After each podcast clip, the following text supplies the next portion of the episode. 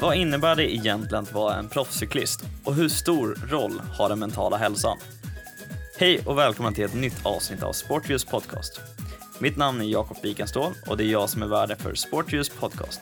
En intervjupodd med perspektiv från idrotten som du aldrig fått höra förut. Vi gör en djupdykning i idrottens värld och intervjuar spännande människor om deras karriärer och liv inom idrotten.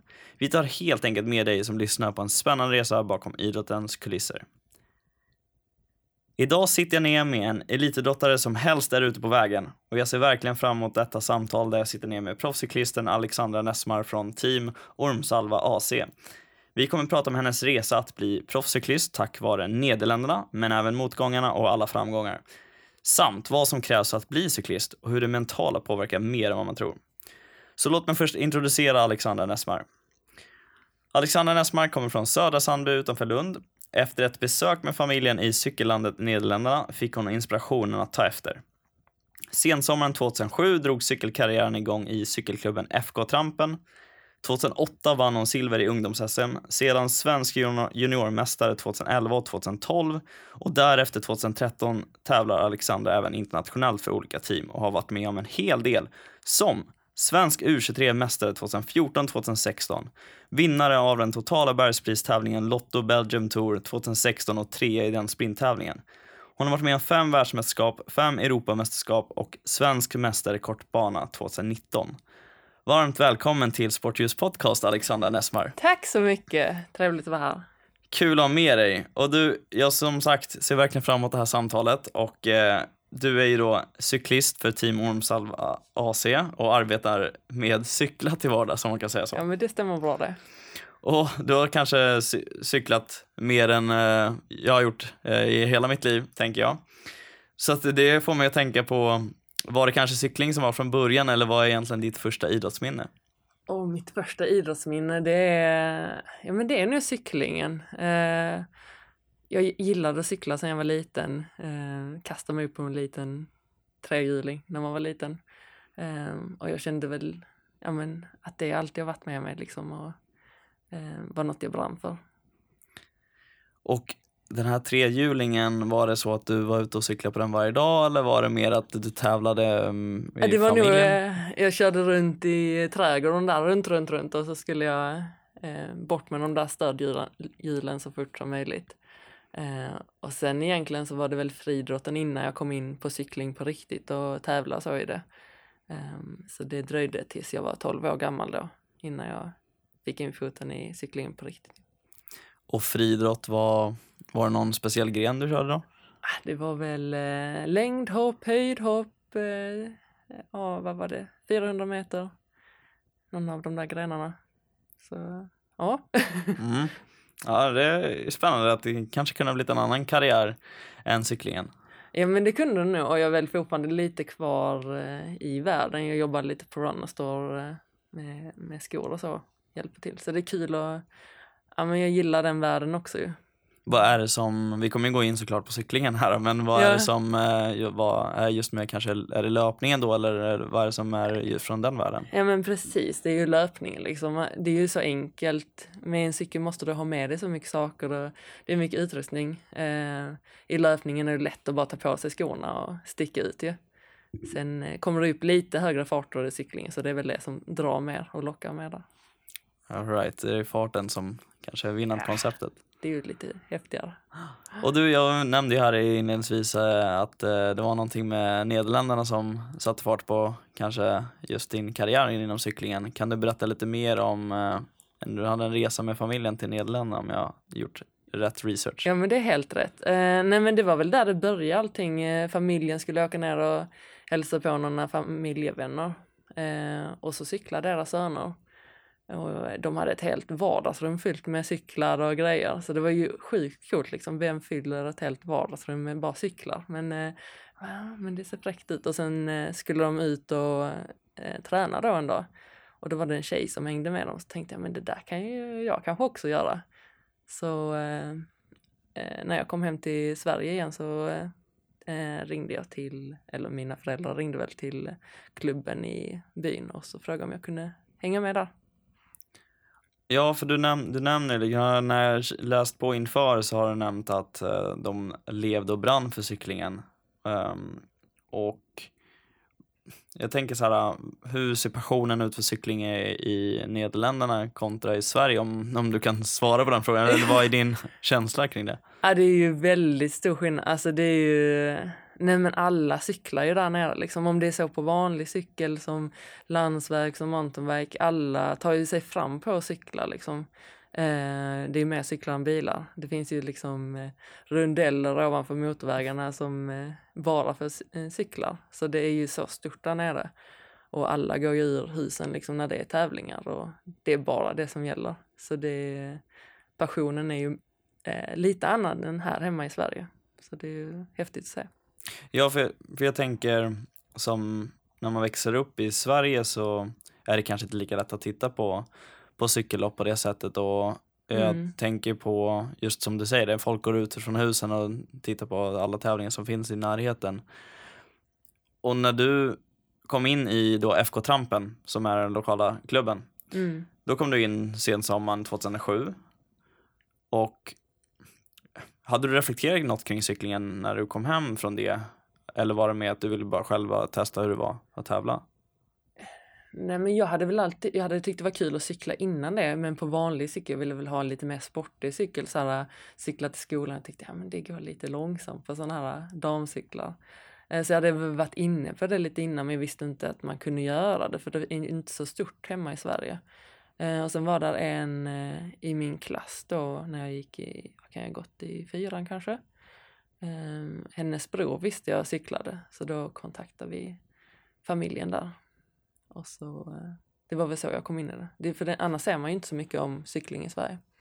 Nej, alltså det är väl kanske mer vanligt att det blir fotbollsklubben eller innebandyklubben, handbollsklubben och de här Precis. sporterna som folk hamnar i från början. Mm, det är ju det.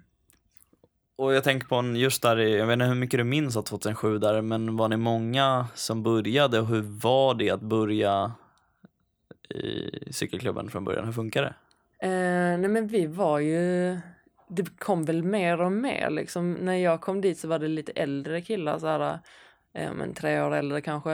Eh, det var ju ingen, det var nog en tjej som cyklade innan. Eh, men sen kom det mer och mer och vi, till sist var vi ju jag tror vi var åtta tjejer i samma ålder. Och det var ju väldigt unikt eh, i hela Sverige. Så FK Trampen lyckades ju väldigt bra på den biten att få med tjejerna och vi hade en tränare liksom som brann för det och hjälpte oss. Och, men mer att vi gjorde det för vi var vänner liksom och hade kul tillsammans. Du nämnde det med att det var rätt få eh, flickor, kvinnor eh, från början där. I din eller var det just i din träningsgrupp eller var det generellt sett i klubben från början? Ja, det var ju hela klubben så var det väl en eller två som eh, cyklade och sen var det kanske 50 eh, män, mm. Eh, killar. Var det något du tänkte på just början när du kom dit? Bara, det är jag och en till här från samma Nej, kön. men jag tror inte jag tänkte på det så mycket. Jag har alltid liksom vatten här som hängt med killarna eller tyckt om att utmana mig själv liksom. Så jag tror inte jag tänkte så mycket på det faktiskt.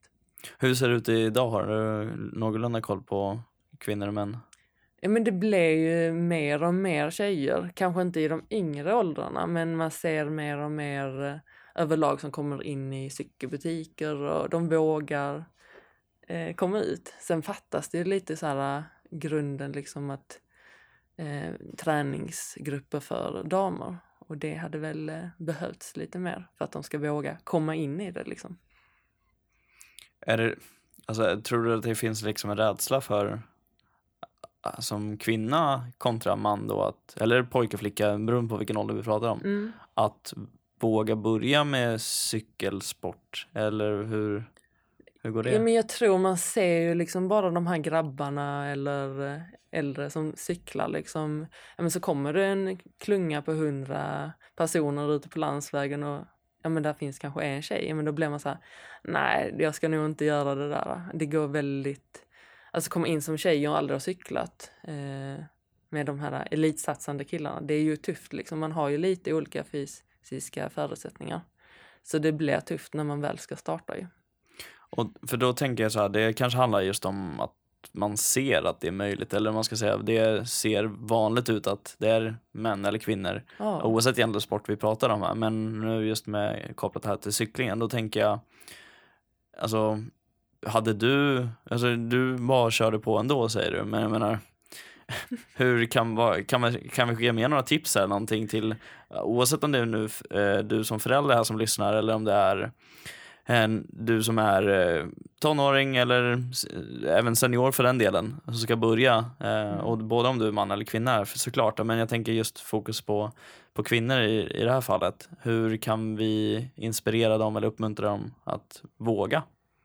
Men jag tror det gäller att man får igång lite fler sådana här eh, mindre grupper med introducera dem till hur det går till att sitta på en cykel, hur man kan växla och hur det går att gå runt på eh, i klungan liksom. Eh, så jag tror, hade man bara fått lite sådana introduktioner så tror jag fler hade vågat vara med och då hade det ju till sist blivit fler tjejer i gruppen också. Eh, men ja, ja, det är en svår fråga det där. Eh, hur man ska få in eh, fler. Men ja, men att man kanske gör det med en kompis liksom. Att man är två tjejer. Känner, ja men okej, släpper vi så kör vi tillsammans. Mm. Det tror jag. Och, eller då som sagt, är man klubb här eller känner någon i en cykelklubb så kanske man ska se över draghjälp på något sätt. Att vi räcker ut en hand om man kan säga så. Att Mm. eh, häng med och prov, provkör. Ja, ja men precis. Att man, eh, ja, man är några stycken kanske. Mm. Och jag tänker, eh, just det här nu i början här, när man lyssnar så känner man cyk- cykelsport generellt sett. Hur, hur funkar det? Hur ser det ut? Och eh, ja, alltså när vi pratar om just eh, cykelgrenar, för det är ju inte bara, alltså man har inte bara att köra cykel bara sådär, utan det finns ju då landsväg. Det finns BMX och mountainbike och hela biten, men kan du Mm. hjälpa oss särskilja vad, hur ser det ut just kring cyk- cykelsporten och, i Ja. Sverige eller generellt sett i världen? Precis, det finns ju, ja, men som du sa, landsvägscykel, mountainbike, eh, BMX, barncykel. Det finns jättemånga, cross och allt. Eh, det jag håller på med ju, och tävlar i, det är ju landsvägscykel. Och då finns det ju inom tävlingskategorin där finns det ju eh, GP-lopp. Eh, det är ju inne i stan, då kör man ungefär en timme. Eh, korta varv, fort som bara den. Kanske lite mindre grupper. Eh, och först i mål vinner helt enkelt. Eh, det brukar ju ofta vara klungspurter. Som, eh, Och vad är det för sorts distans? Om du säger en timme brukar det vara, men vad är det för distans ungefär? Är det olika? Åh, vad kan det vara? Eh, det är väl från ja, men fyra mil kanske det brukar det ligga runt. Eh, två till fyra mil där. Det är väl vad man hinner under, ungefär på den tiden. Och eh, nej men annars är det ju linjelopp som är det största liksom. Mest eh, kända, det man ser mest på tv när man kollar Tour de France och allt. Eh, och där kör man ju stora grupper eh, och det är mycket lag, taktik, eh, team om sex ofta när man är ute och kör internationellt. Och sen är det ju även först över mållinjen där, men det är ju lite längre distanser. För oss damer är det ju mellan 10 till 16 mil. Där kör vi runt liksom. Ehm, och män kör? och män kör, ja vad kan det, det är väl 12 till eh, 20 mil. Och linjelopp? Vad, alltså vad är skillnaden på linje, linjelopp, eh, även fast det är längre sträckor? Men vad skiljer det från, eh, från en GP till exempel? Ja men det skiljer sig lite. Det blir ju mer ut på landsbygden i linjelopp. Så det blir mycket mer så här kantvinskörning, det blir mer backar och så. I GP-lopp är det ju mer inne i städerna, korta, eh, mer teknisk körning kan man ju säga än eh, linjelopp. Eh, linjeloppen är ju lite mer på styrka. Och Är det, är det varv eller är det punkt A till punkt B?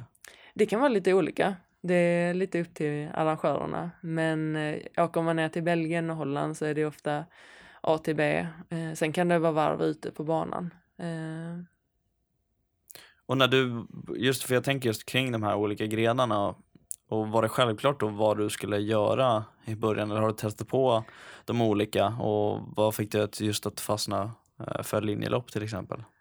Egentligen så var jag bäst på eh, tempolopp kan man säga. Det, tempolopp är när man kör själv. Eh, då kör man eh, en till tre mil ungefär. Och då är det ju snabbast tid som vinner. Så det var ju där jag var bäst från början och men tog hem de flesta medaljerna när jag var yngre. Så eh, sen gick det ju över till linjelopp och att jag blev bättre på det. Attackvillig cyklist liksom. Gick utbrytningar och och nu nämner du lite olika termer här visserligen, kanske just med utbrytningar den biten. Ja. Vad, vad innebär det? Eh, när man går utbrytning då är det ju att man eh, attackerar, det kanske man inte heller vet, men det är när man eh, sticker ifrån klungan och kör, eh, man vill sticka ifrån klungan helt enkelt för att komma först i mål.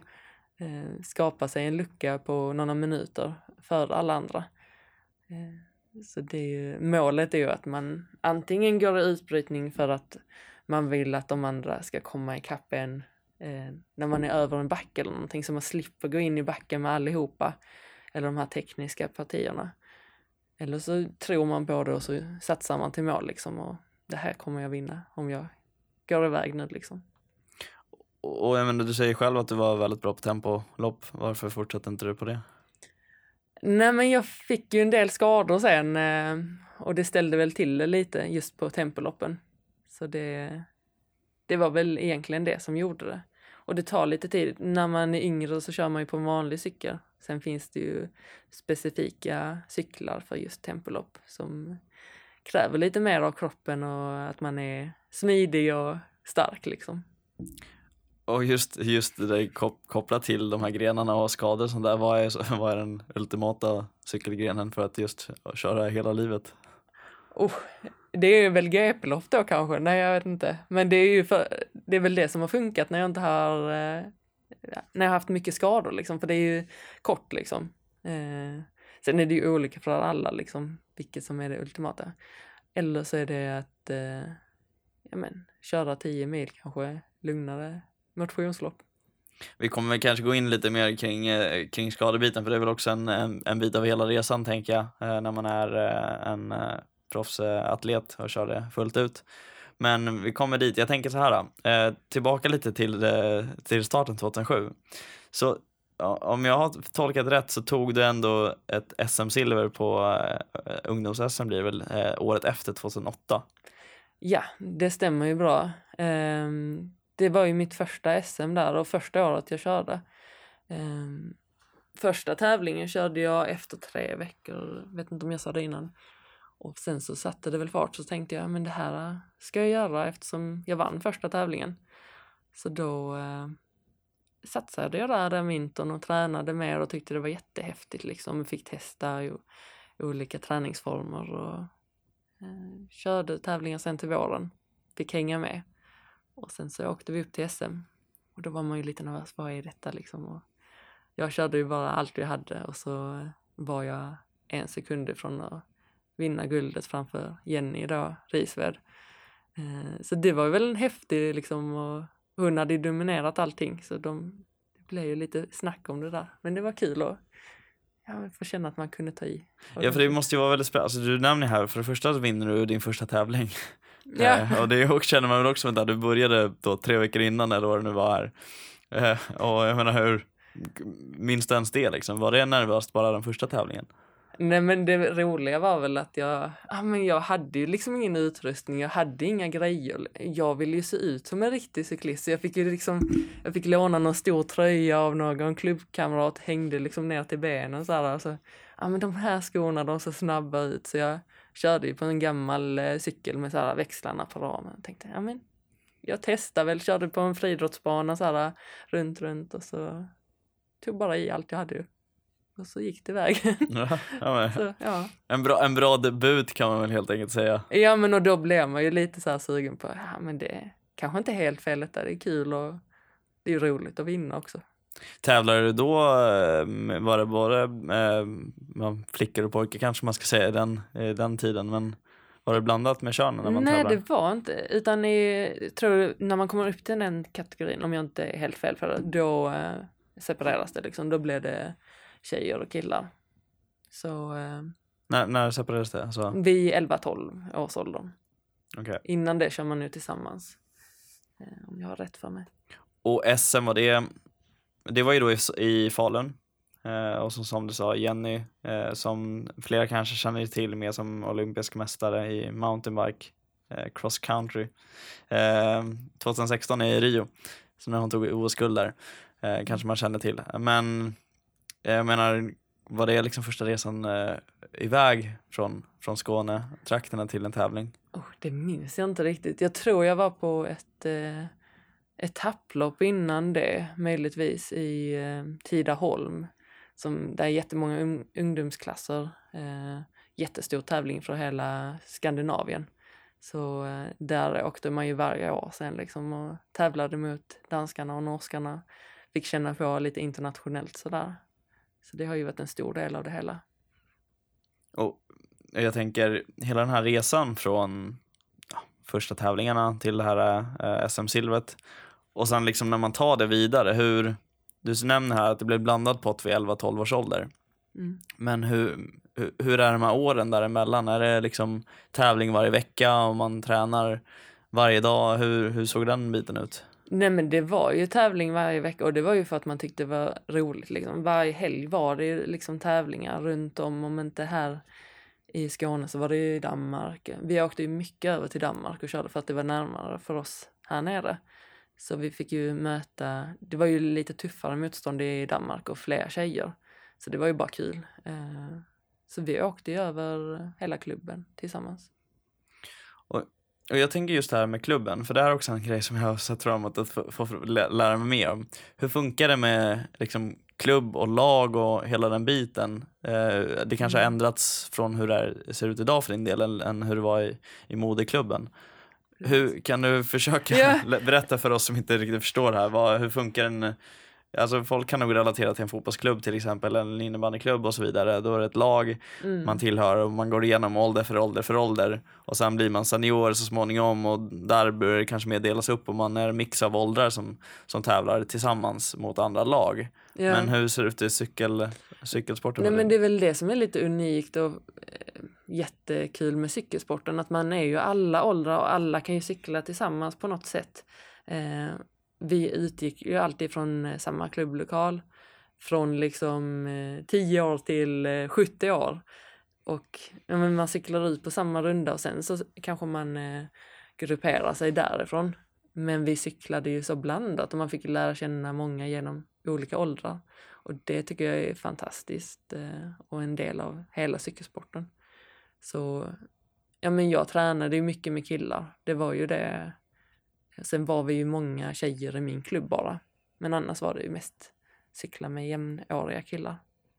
Men tränar man då liksom tidsmässigt eller är det mer att man har bestämt att nu ska vi åka fyra mil idag eh, och vi ska träna på en viss teknik eller hur, hur såg det ut? Det gick ju till så att men vi hade en och en halv timmes träning eller två timmar och så hade de bestämt idag kör vi lagtempo, vi går på skift liksom flera stycken i åtta minuter och sen så kör vi åtta sådana omgångar eller hur många omgångar det nu var.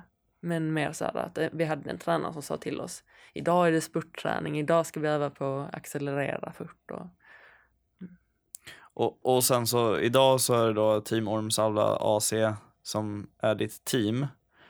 Är det då klubb också eller det är ett team som man tillhör och du tillhör fortfarande en klubb? Hur, hur ser det ut? Ja, eh, det är ju min klubb i Sverige, själva Team Ormsalva och de hjälper mig jättemycket med utrustning och möjlighet att komma eh, finansiera tävlingar och så i Sverige eh, och stöttar mig fantastiskt bra.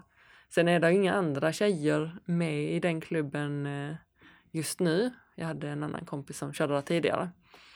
Men just nu är där ingen annan tjej utan jag tränar ju med mina kompisar från Malmö och eh, andra jag känner här nere. Så det är inte så mycket med Team Ormsalva egentligen. Det är ju lite synd för de är långt bort men eh, det var kul att träna med dem oftare såklart. Men, men då, är det, då har de en bas eh, på ett ställe i Sverige? I Falun. I Falun. Ja.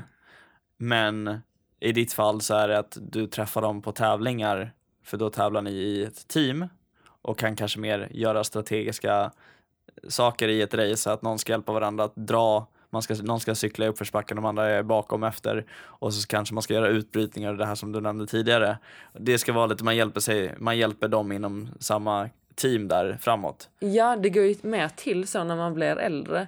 Så då är man ju inte ofta med sitt team liksom om man bor inte på samma ställe utan man är ju utspridda över hela Sverige eller hela världen om man är, kör ett internationellt lag. Och sen samlas man ju vid träningsläger eller tävlingar och så eh, kör man ihop sig där. Så det är ju kanske lite annat mot andra som bollsport och då är man på samma ställe och tränar ihop. Eh, så det gäller att läsa varandra bra eh, och lära känna varandra på den korta tiden man har. För, för det är just det jag tänker, så här, hur, hur tränar ni då tillsammans fast på distans? Nu kanske det är utmärkt i, i covid-tider på något sätt ändå, att det ändå funkar att göra det på distans. Men är det att ni säger, ja men vi ska köra ett träningspass idag, vi ska cykla x antal mil, eh, ni ska fokusera på det här och sen så har, snackar ni åt emellan på så sätt och sen så är det en tävling och då har ni snackat ihop lite inför den. Eller? ja, nej men alltså det är ju en, eh, vi har ju en team eh, eh, sportchef liksom som lägger upp taktiken så här, så här ska ni göra. Och sen har vi haft något träningsläger innan där vi kanske har kört lite uppdrag och så här för varandra och vet vem som är bäst i backarna, vem som är bäst på att göra, dra upp liksom inför spurten och vem som ska spurta sen. Så det är ju uppdelat sådär. Sen tränar vi ju inte så mycket ihop på det egentligen så det blir ju verkligen sådär direkt i tävlingsmomentet att vi, det ska sitta där. Eh, I de större lagen som World Tour-lag eh, och sånt, då kör man ju mycket träningsläger och sen kanske man bor innan en tävling en vecka innan och så kör man eh, banan liksom och lägger upp taktiken kring det. Så då går det ju med till på det sättet. Så när jag kör från mitt holländska team som jag inte har träffat än eftersom det har varit corona, eh, som heter Team Loving Potatoes, spännande namn, som är från Holland, då är det ju mer så här att man träffas veckan innan liksom och kör banan och så lägger man upp en taktik för det. Okej, okay, nu dyker upp massa frågor här. Jag tänker, okej, okay, holländskt team nu.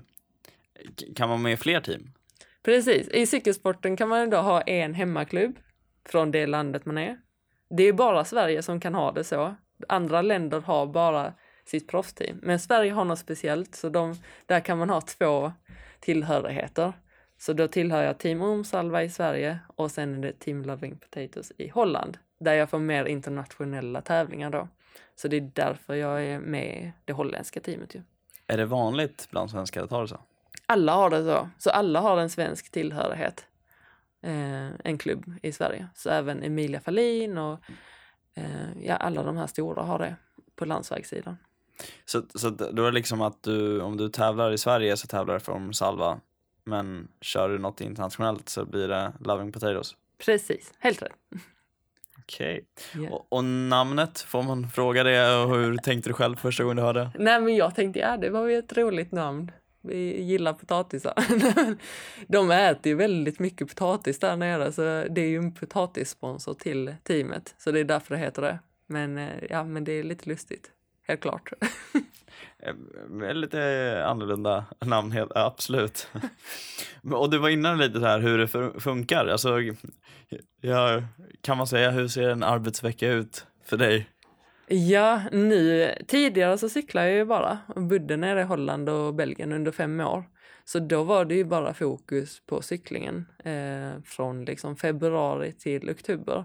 Och sen jobbade jag extra på vintrarna. Eh, nu sen två år tillbaka så har jag ju flyttat hem till eh, Sverige och har min bas i Malmö.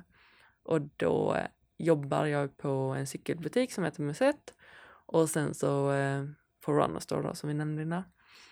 Och eh, däremellan så tränar jag liksom och lägger upp eh, programmet därefter och det är ju säsongsvis liksom vad som krävs.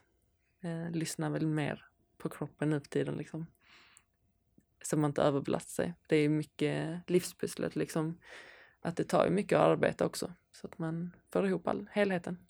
För, för det är just det här, alltså tävlings, om det är en tävling till en helg, då åker man kanske dit till området tidigare och provcyklar eller är det kanske olika om det är Sverige och, eller internationellt med race? Ja men det är det ju. Alltså ska jag åka utomlands så åker jag i perioder. Då åker jag kanske eh, två eh, till fyra veckor. Och så åker jag ner där, så är jag där den tiden. Och sen eh, då förbereder man ju sig inför tävlingarna och fokuserar bara på det. I Sverige blir det ju mer att man åker en helg och åker dagen innan, kollar kanske tävling, eh, oftast inte. Och sen så, eh, så kör man ju tävlingen hemma liksom. För jag tänker så här, har man koll på loppet, ska man inte, jag kan tänka på andra sporter när det ska vara liksom så här, Mm. köra igenom eh, antingen backen eller eh, loppet vad det nu är för att veta kurvorna där, tufft det är och hit och dit liksom. Eh, Det vi gör i förberedelse, det är väl att kolla kartan liksom. Eh, det är inte ofta vi cyklar bara, för det blir ju väldigt långt på linjelopp. Cykla liksom 14 mil eh, innan. Jo, men man gör det på de stora racen som Flandern och Gent-Wevelgem som gick i helgen. Då eh, kör man ju recon veckan innan liksom med teamet då. När man är utomlands, men inte i Sverige. Där har man ju kört de flesta tävlingarna väldigt många gånger, så då kan man ju det utan och innan oftast. Vi gör säsong två i samarbete med Sportidealisten, jobbplattformen som bara är för idrotten. Hitta ditt drömjobb eller din drömkandidat redan idag. Mm. Ja, och jag tänker just det här med alla resor runt om i världen. Nu, du har ju kanske inte kört lika mycket nu på sistone eh, internationellt, men när du har varit ute och kört lopp efter lopp eh, internationellt, Mm. är det att man, förflyttar man sig liksom till då lopp efter lopp varje vecka eller var det mer det här som du säger, det var två, två veckors spann ungefär, man kanske är iväg på ett lopp och sen kanske man kommer hem och vilar upp sig lite eller åker man då stad till ny stad? det är lite olika. Så ofta får man som eh, tjejcyklist ta sig runt ganska mycket själv, hyra många bilar runt, eh, ta sig till tävlingarna, eh, höra med kompisar om man kan åka med dem liksom. Eh, och sen är det lite olika. Ibland så åker man liksom till en plats och så vet man att nu har jag flera tävlingar här, nu håller vi oss här. Eh, andra gånger så är det liksom, har man ett utgångspunkt och så åker man liksom med till teamets uppsamlingsplats och så tar de en därifrån. Du nämna hyra bilar en hel del, alltså det, är det just för att pengarna är fördelade så mycket mer till, till herrcyklister så att de inte behöver hyra bilar eller? Alltså, min erfarenhet är väl att eh, det, vi får ju nästan ingen lön liksom som professionell från teamen Eh, där nere och de har inte möjlighet att ha ett boende där alla bor eller att man bor i närheten av varandra. Så då måste man ju ta sig till teamets service course där man utgår ifrån. Och då eh, får du ta dig dit själv på bästa sätt du kan. Och då blir det ju, har du ingen bil där nere, ja, antingen får du höra med någon kompis som kan köra dig, någon snäll människa. Eh, eller så får du hyra en bil och så kanske man är några stycken som gör det tillsammans. Det lå- låter lite som att det är eh, mycket man måste försöka lösa på egen hand. Ja, det, det är det verkligen. Det har ju varit liksom att ta tåg till tävlingar ibland för att det går inte att ta sig dit på annat sätt. Så det har varit mycket logistikarbete genom åren. Något tips till andra uppkom eller fram, framtida cyklister eh, som man kan ge? Ja, men var några stycken som kan hjälpas åt. Eh, Jag och en kompis väl ner själva liksom. Men om man kan samordna sig rätt många liksom, kanske bo i samma hus, vet att man har en bil där, så eh, hade det varit ett bra tips. Mm, det tror jag nog tacksamt för folk att tänka på. Och du, jag tänker oavsett eh, om vi är utomlands eller på hemmaplan, Mm. favoritlopp, finns det något sånt? Men mitt favoritlopp utomlands det är väl gent wevelgem som gick i helgen. Eh, belgiska tävlingar överlag gillar jag. Lotto Belgium Tour också, där det gick bra för några år sedan. Eh, ja, men lite så här småkuperade, lite kortare backar, inte jättealpbackar liksom, men powerbackar. Det är väl där jag trivs som bäst och lite kullersten och lite regn och lite skit. Det ska inte vara sol alltså. Jo, det får det gärna vara, men det brukar gå bra när det är skitväder. Det... Vad är, Ja. vad är din specialitet då eh, kring cyklingen? Min specialitet är ju att jag är stark liksom i grunden och kan gå iväg liksom i mindre grupper. Kommer jag iväg i en mindre grupp då kan jag ju också spurta liksom. Men jag är ju ingen eh, klungspurtare liksom när man sitter i en stor grupp.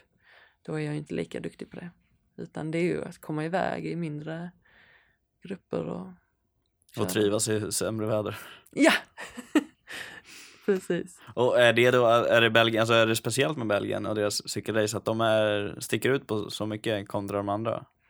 Ja men det blir, det, det är ju tufft där nere liksom. Det är mm, så klassiska eh, tävlingar som har varit med i liksom hundra år. Så det har alltid gått på samma vägar och vägarna har inte gjorts om sen dess. Så det är ju det är en speciell känsla att köra där nere. Det är så mycket passion i liksom eh, cykelsporten. Där. Och, och jag tänker just liksom så här. um, Jag försöker liksom hela tiden prata med folk med just den här passionen kring eh, om vilken nu sport man har, eller liksom vad är det som gör Mm. att man engagerar sig så mycket. Och då är det så här, ja, du har ju varit med om flera år av, av nötande på cykel, cykel, cykel, cykel, cykel. Så. Och sen så, eh, om, så här, 2018 så var det någon kollaps i kroppen för dig. Ja. Kan du Eh. berätta liksom vad, vad som hände och, och vad som, varför det blev en kollaps och vad hände därefter? Eh, men det som hände var ju att det var många års stress på grund av olika anledningar. Team som inte fungerade, team som gick i konkurs. Jag hade skada, en skadad höft, så 2016 så hade jag jätteproblem med en höft som jag hade haft sedan 2014. Vilket gjorde att jag inte kunde gå på mitt vänsterben till sist. Eh, men tävlade ändå på liksom, men ibland kände jag inte av benet. Eh, det var liksom bortomnat. Och efter det så försökte jag, byggde jag upp kroppen eh, från 2016. Jag åkte hem till Sverige, körde eh, lite svenska tävlingar och sen så tillbaka ner igen ju. Men jag fick aldrig den där riktiga pausen och sen eh, 2018 så körde jag i ett holländskt team då igen.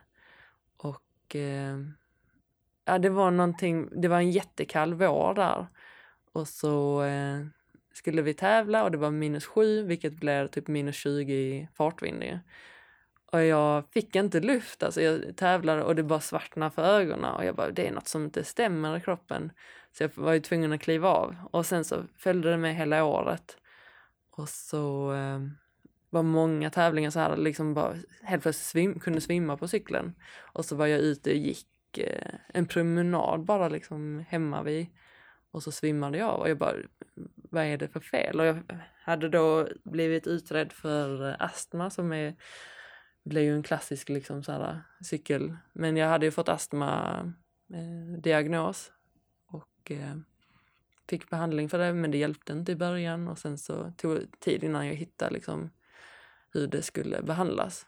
Och eh, det i kombination med en utmattningssyndrom som jag också blev konstaterad eh, blev ju droppen liksom. Det var därför jag svimmade av liksom och kroppen orkade inte mer efter alla år med fysisk och psykisk eh, påfrest, påfrestning. Så den hösten var ju rätt tuff, 2018.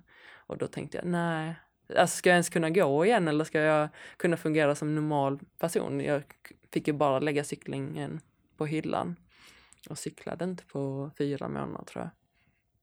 Och sen tänkte jag, nej, jag måste göra något nytt. Jag måste göra om mitt liv. Så då fick jag jobb på Musett i Malmö, cykelaffären. Och det var väl där, både det och att jag kom till min naprapat på Tre Kotor, Björn Jönsson. Det var väl det som gjorde skillnaden i mitt liv, att jag fick en, bara bröt av allting och så kom ju medgångar sen den sommaren utan att jag hade tränat någonting under vintern eller någon. Eh, började cykla liksom våren 2019 igen. Och så vann jag SM-guldet den sommaren sen. Så det var, eh, ja, men det var lite olika saker som ledde liksom fram till att kollapsen kom 2018. Ju. Men, men du sa, alltså svimmade du när du cyklade så att du bara fall ner eller var det mer att det svartnade till och han stoppa eller? Eh, nej, men det hände väl två gånger kanske att jag svimmade av och körde av dik, i diket liksom och bara "Ah, vad hände här liksom? Men eh, och att varje gång jag liksom försökte pusha mig själv så sa kroppen bara nej. Och om det var liksom av astman eller det var en kombination av utmattning och astma. Eh, för även när jag hade fått den under kontroll så var det ändå liksom eh, blackouts ibland liksom och kroppen ville inte.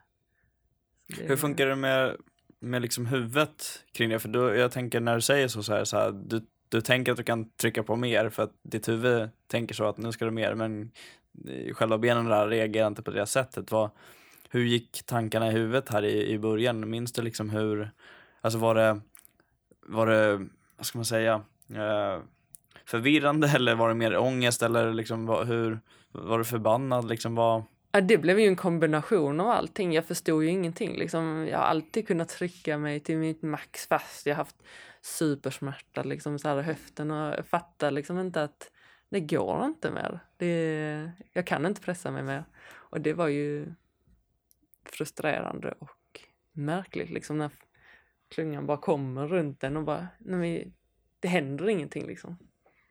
Det, det var märkligt och ångest såklart. Fick mycket så här ångestattacker när klungan körde förbi mig och jag bara tappar allting liksom.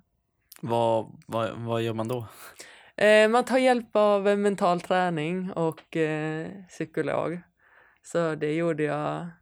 Jag hade börjat med psykolog tidigare, liksom så här, mental träning eh, från 2016 och framåt.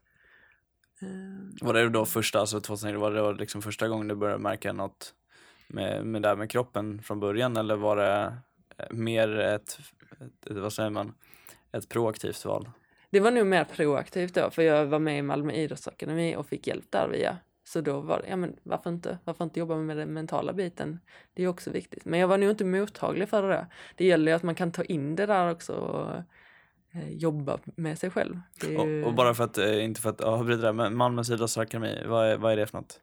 Det är ju ett ställe där eh, olika kompetenser samlas för idrottare från olika grenar. Så det är mycket så individuella eh, idrotter. Och så har man resurser till psykolog och fystester och det, dietister, allt möjligt som man kan få hjälp med där. Så det... Och hur kom du i kontakt med det? Ja, man sökte in där, det var väldigt många år sedan. Eh, då sökte man in där och eh, ja, kom med i satsningen helt enkelt. Så man får söka dit varje år och eh, komma med dit. Ja. Så kanske tips till er som lyssnar som är eh, ung och eh, lovande idrottare kanske att eh, kolla upp Malmös idrottsakademi. Absolut. Men eh, sidospår, det jag tänker just med psykologen, den biten, det är någonting som jag har fått höra mer och mer eh, de senaste två åren i alla fall. Att man börjar prata mer om det öppet. Att det krävs, eller behövs rätt mm. sagt, eh, egentligen i alla idrotter eh, för atleter. Att, innan har man inte riktigt tänkt på det men det mentala är väl minst lika viktigt som det fysiska tänker jag. Och du nämner här att du var inte riktigt mottaglig. Är det för att du tvekade liksom, nej men det behöver inte jag eller det var? Nej men jag tror man, jag vet inte hur man ska, man måste liksom vara där och kunna, de säger men du ska jobba på detta men då kanske man tänker nej men jag tror inte jag har så mycket problem med just den grejen kanske. Och sen när man väl låter sig själv att gå på djupet med vissa saker, det är först då det kan lösa eller våga ta en annan riktning i livet, att det här ekorrhjulet inte snurrar längre. Är det svårt att, att öppna upp sig då kanske? Ja men det kan nog vara, det kan väl vara en skam för många liksom att eh, man har problem med det här att det låser sig eh, på tävlingar och att eh, man får ångest liksom, vill inte acceptera det egentligen, varken själv eller att man vill visa det för andra. Det tror jag, att det är en stor del av det hela. Man vill ju inte visa sig svag, speciellt inte i idrott där man ska vinna liksom vara det starkaste som finns. Eh, att då vara svag mentalt, det, det vill man ju inte visa. Ja, och det är det jag tänker på, att det är, vågar man prata om att man, man träffar en psykolog? Alltså, visste andra, dina vänner sånt om att du gick och träffade en? Ja, men vi, vi är ju några tjejer liksom som är ganska öppna om det och Eh, min bästa, en av mina närmaste vänner, eh, Sara Fenton, hon är också väldigt mycket för det liksom och att vi pratar väldigt öppet om det. Och det hjälper också att vi kan prata med varandra om det, som har varit i många svåra situationer tillsammans, liksom med team och sånt som har påverkats. Så, eh, det är ju ingen annan som kanske förstår, även om man kan få hjälp av en psykolog med vissa saker, så har det varit väldigt viktigt att hon har varit i de situationerna och förstår hur jag, vad jag menar och jag förstår henne. Så att dela det med någon är jätteviktigt ju. För jag, jag tror ju att det här är nog väldigt bra oavsett vilken ålder man är i. att fundera på det och alltså man kanske inte har ens en vän på så sätt att man kan bolla de här tankarna med. Vad är, vad är tipset då liksom? Vad ska, vad ska alla göra egentligen? Ska man? Nej men det är... Jag tror det viktigaste är ju liksom att eh, ta hjälp av en psykolog där man får professionell hjälp. Sen är det ju bara bonus om du har någon som du har upplevt jobbiga saker med att kunna prata med den öppet om det. Eh, och annars är det ju liksom, ja men prata med någon nära, annan nära vän liksom och att man inte försöker hålla det för sig själv. Sen är alla olika eh, och man fungerar. Man kan ju jobba mentalt också på egen hand. Eh, mental träning, liksom avslappning, andningsövningar. Det finns jättemånga olika sätt man kan jobba med det på. Ja, nej, jag tror det är en jätteintressant, eh, liksom, vad ska man säga, väg genom träningen, oavsett om det är på elitnivå eller inte, beroende på vad man Mm. kanske har för mål såklart. Men just som du säger, man ska vara, man ska vara egentligen starkast, bäst. Eh, Det är mycket press liksom. Att det kanske, man kanske växer med, med uppgiften om man även jobbar på det mentala. Absolut. För mig har det nog varit en avgörande liksom att eh, när jag väl mår bra psykiskt, då går det bra. Eh, så det har varit min nyckel till det.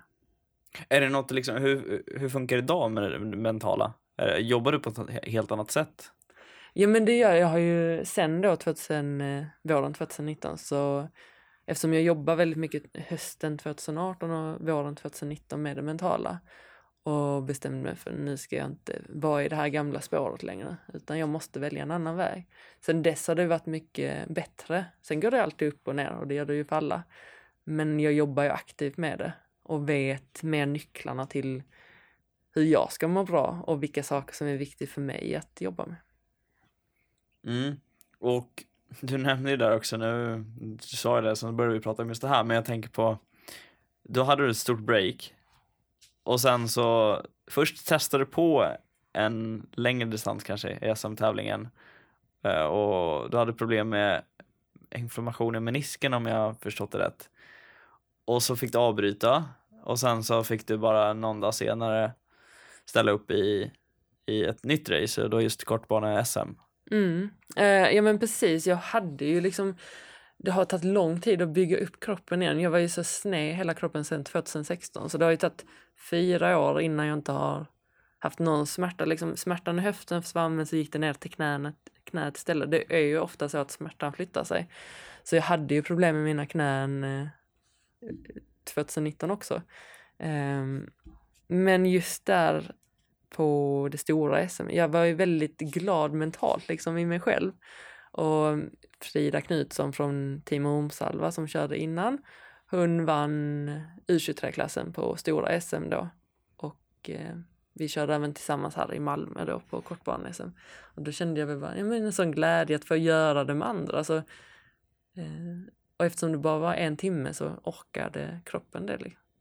Och då, att, eftersom jag var stark mentalt så gick det ändå. Så, så att ja, helt enkelt från inte så mycket träning alls på det sättet på alls kontra alla tidiga åren till eh, da, några dagar innan så fick du avbryta en viss tävling och sen Mm. på det igen och går och vinner. Det ju, måste ju varit en otrolig resa på under de veckorna. Ja men det är väl en av sakerna som jag är mest stolt över liksom. Att haft många kämpiga år från 2016 till 2019 liksom. Och sen vända hela alltet, vända livet liksom. Och så gå och vinna SM-guld i kortbane.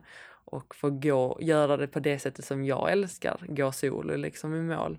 Det var ju en sån revansch för mig själv. Sen att man vill vinna större tävlingar men att bara få göra det på det viset var ju sånt kvitto för mig. Men jag kan fortfarande och det här att ha jobbat så här mycket med den mentala biten är ju faktiskt kvittot på att det går. Ja, det är, ju otroligt. Alltså, det är svårt att förstå det liksom, men, om, men när, jag, när jag läste inför så var det så här, aha, wow. Det liksom, du först avbryta men ändå, du, du har själv beskrivit det som att du hade en glädje där att, att bara få ställa upp och köra igen och att du verkligen kände det. Och sen att det avslutas med, med ett SM-guld och, Mm. ja, och göra det också med lagkamraterna man ska säga. Ja. Men ja, jag gjorde ju inte det längre liksom för resultatets skull utan jag gjorde det för att jag ville göra det med min kompis och jag ville ge det tillbaka till människorna runt mig som var kollade. Um, allt de hade ställt upp, liksom, att få ge det tillbaka och visa att ja, men, jag mår bra. Eh, det är det viktigaste. Det var ju härligt att kunna ge, dela det liksom.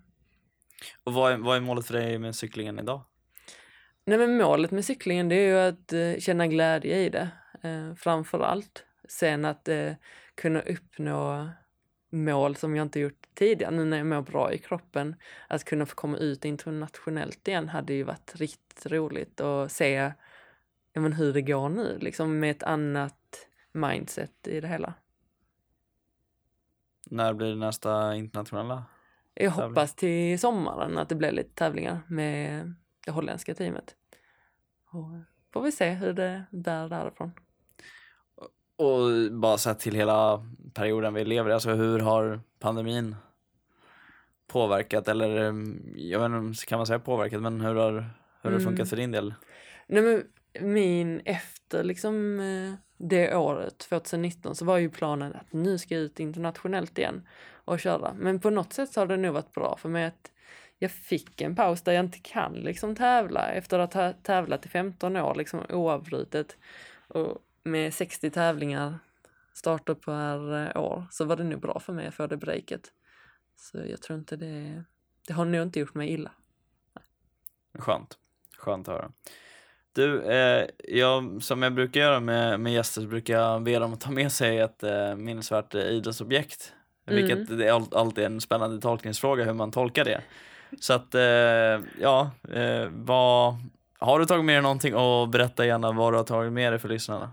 Ja, men jag har tagit med mig någonting och det var svårt att liksom veta vad man skulle välja så och ta med sig. Um, men jag tog med mig en eh, bergspriströja som jag vann i Lotte Belgium Tour. Och det, ja men den har varit rätt viktig för mig så här, att uh, det visade, trots att jag hade skador det året, att jag kunde prestera på en hög nivå och att jag var framför liksom OS-medaljörer, VM-medaljörer och att bara bevisa det för mig själv och att ha det med sig har varit kul liksom. Eh, och att jag fick chansen det året att köra i ett belgiskt proffslag som var drömmen hela vägen sen jag var 14 och körde min första belgiska tävling. Eh, då åkte vi ner med FK Trampen och så fick vi köra med killarna i Belgien och det var hårt. Men jag tänkte, ja, det var häftigt när vi fick eh, vara med på de här stora tävlingarna som flandrar runt och kolla på det. Att där ska jag vara en dag. Och sen att få möjligheten att köra en sån stor tävling och att vara på pallen med de stora tjejerna. Det var, nej men det är ju en dröm.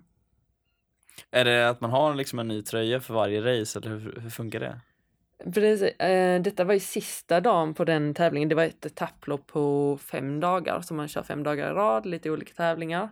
Och sista dagen så var det ju kungaetappen när det är eh, flest berg liksom och tuffaste tävlingen. Och då valde jag jag var väl trött på säsongen egentligen och jag ville bara göra det sista. Och så eh, gick jag utbrytning efter en mil och så var jag utbrytning i åtta mil själv över backarna och så plockade jag alla poängen och så tog jag hem tröjan. Så jag vann ju tröjan totalt. Jag fick ju aldrig köra i den egentligen, men jag vann den totalt i alla fall. Är, är det vanligt så att, att man vinner en tröja så får man uh, mer symboliskt syfte än att du faktiskt ska... För ibland är det vissa som har en tröja för att det är en ledartröja hela den biten, men Ja, men, men här det... har du en tröja alltså, som du inte tävlat i. Hade jag liksom eh, fått den dagen innan så hade jag fått köra i den. Det var ju bara det att jag plocka den sista dagen. Det var ju lite otroligt. Att och du jag... kan inte använda den i nästa tävling? Nej, jag får ju inte använda den i nästa tävling. Utan det är ju jättesymboliskt här i eh, cykling bara. Med tröjorna liksom. Som man får på prispallen. Vad gör man med en sån sen? Hänger man upp den? Eh, är det som en medalj? Man har en någon medalj eh, upphängd eller någon medaljlåda?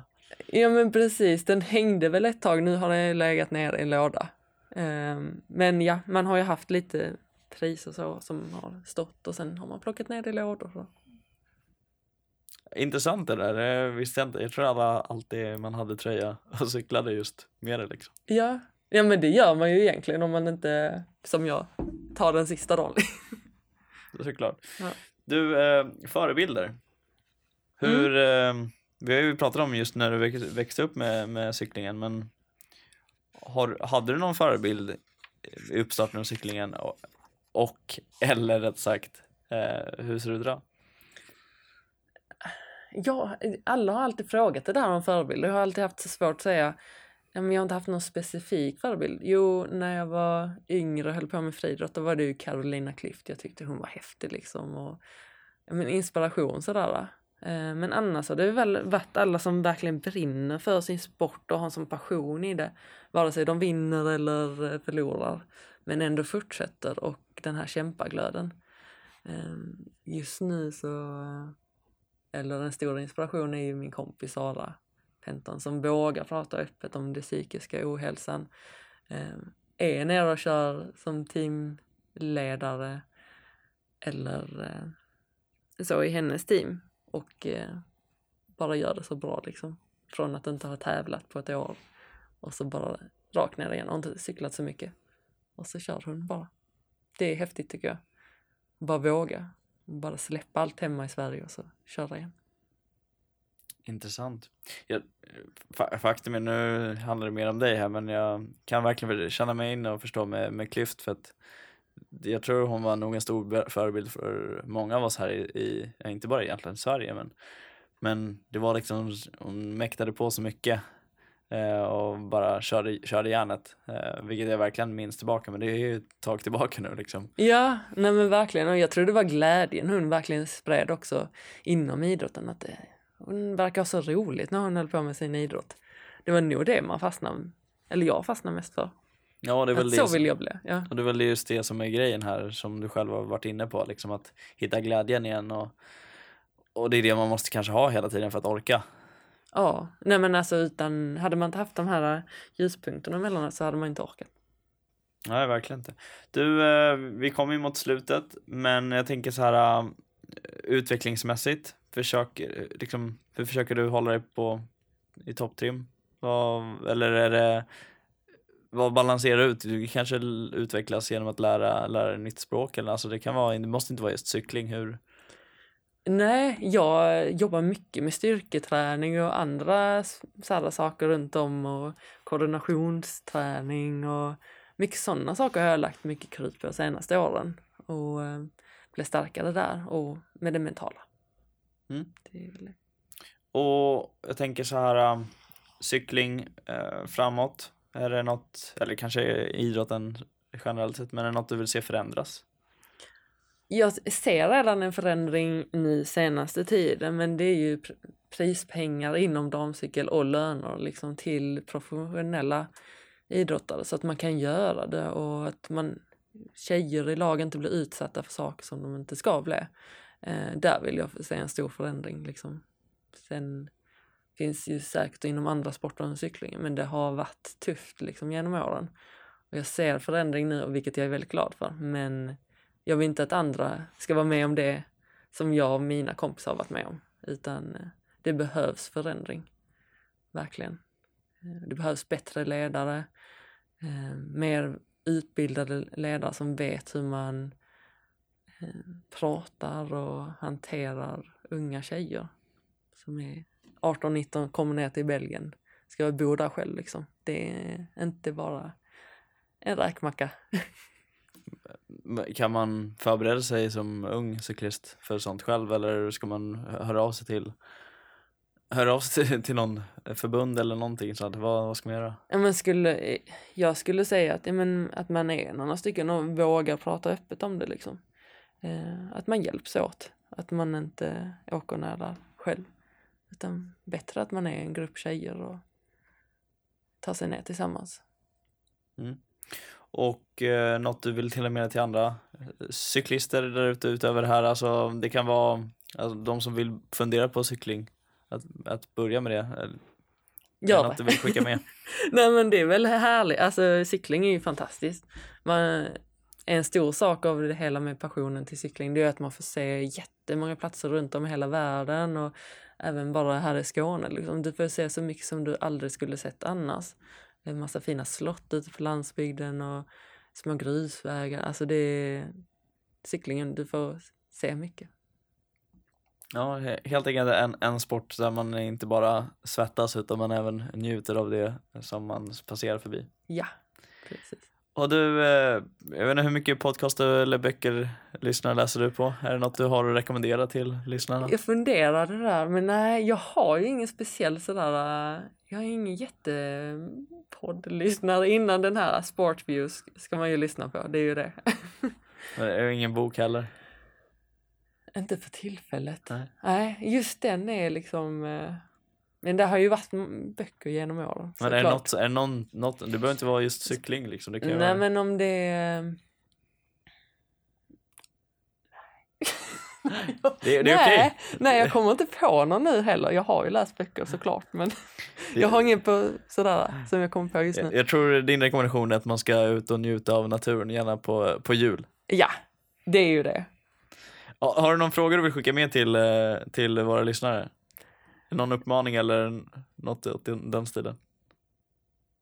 Va, vad sa du? Någon uppmaning eller har du någon fråga till, till lyssnarna där ute? Eh, nej. nej. Nej, det, det, det är lugnt. Det, man behöver inte kunna allting här Alexandra, det är ingen fara. Men du, jag, eh, jag tror vi har nått slutet och eh, vill verkligen tacka dig för att du tar tiden. Eh, Speciellt i de här tiderna också, att eh, du tar dig, tar dig tiden verkligen. Att du delar med dig av en resa som går från Nederländerna till skånska landskapen till internationellt ut igen och högt och lågt verkligen. Både prispallen såväl som blackouts i diken. Så det har varit en otrolig resa att få ta del av. Tack! Ja, tack för att jag fick vara här. Och många tips har du också delat med dig. Eh, och eh, jag önskar dig en eh, strålande dag och en fortsatt lycka till med resan. Och stort tack till dig som har lyssnat på den här veckans avsnitt av Sportljus podcast. Jag hoppas att du har gillat det lika mycket som jag har. Det finns som sagt väldigt mycket att lära sig från Alexandra här med den mentala resan och glädjen i det lilla och det stora. Och innan vi avslutar så glöm inte att prenumerera på podden för att inte missa nya avsnitt. Och gillar du podden så ge oss gärna ett omdöme för det hjälper ju oss att nå fler intresserade lyssnare som just dig. Och vill du veta mer om Alexandra så kommer det kanske finnas lite kontaktuppgifter i avsnittsbeskrivningen eh, där man kan följa henne. Och eh, du är alltid välkommen att höra av dig till oss med feedback, förslag på gäster via vår Instagram Sportviews podcast. Med det sagt så får du ha det bäst. Ta hand om dig. Ciao!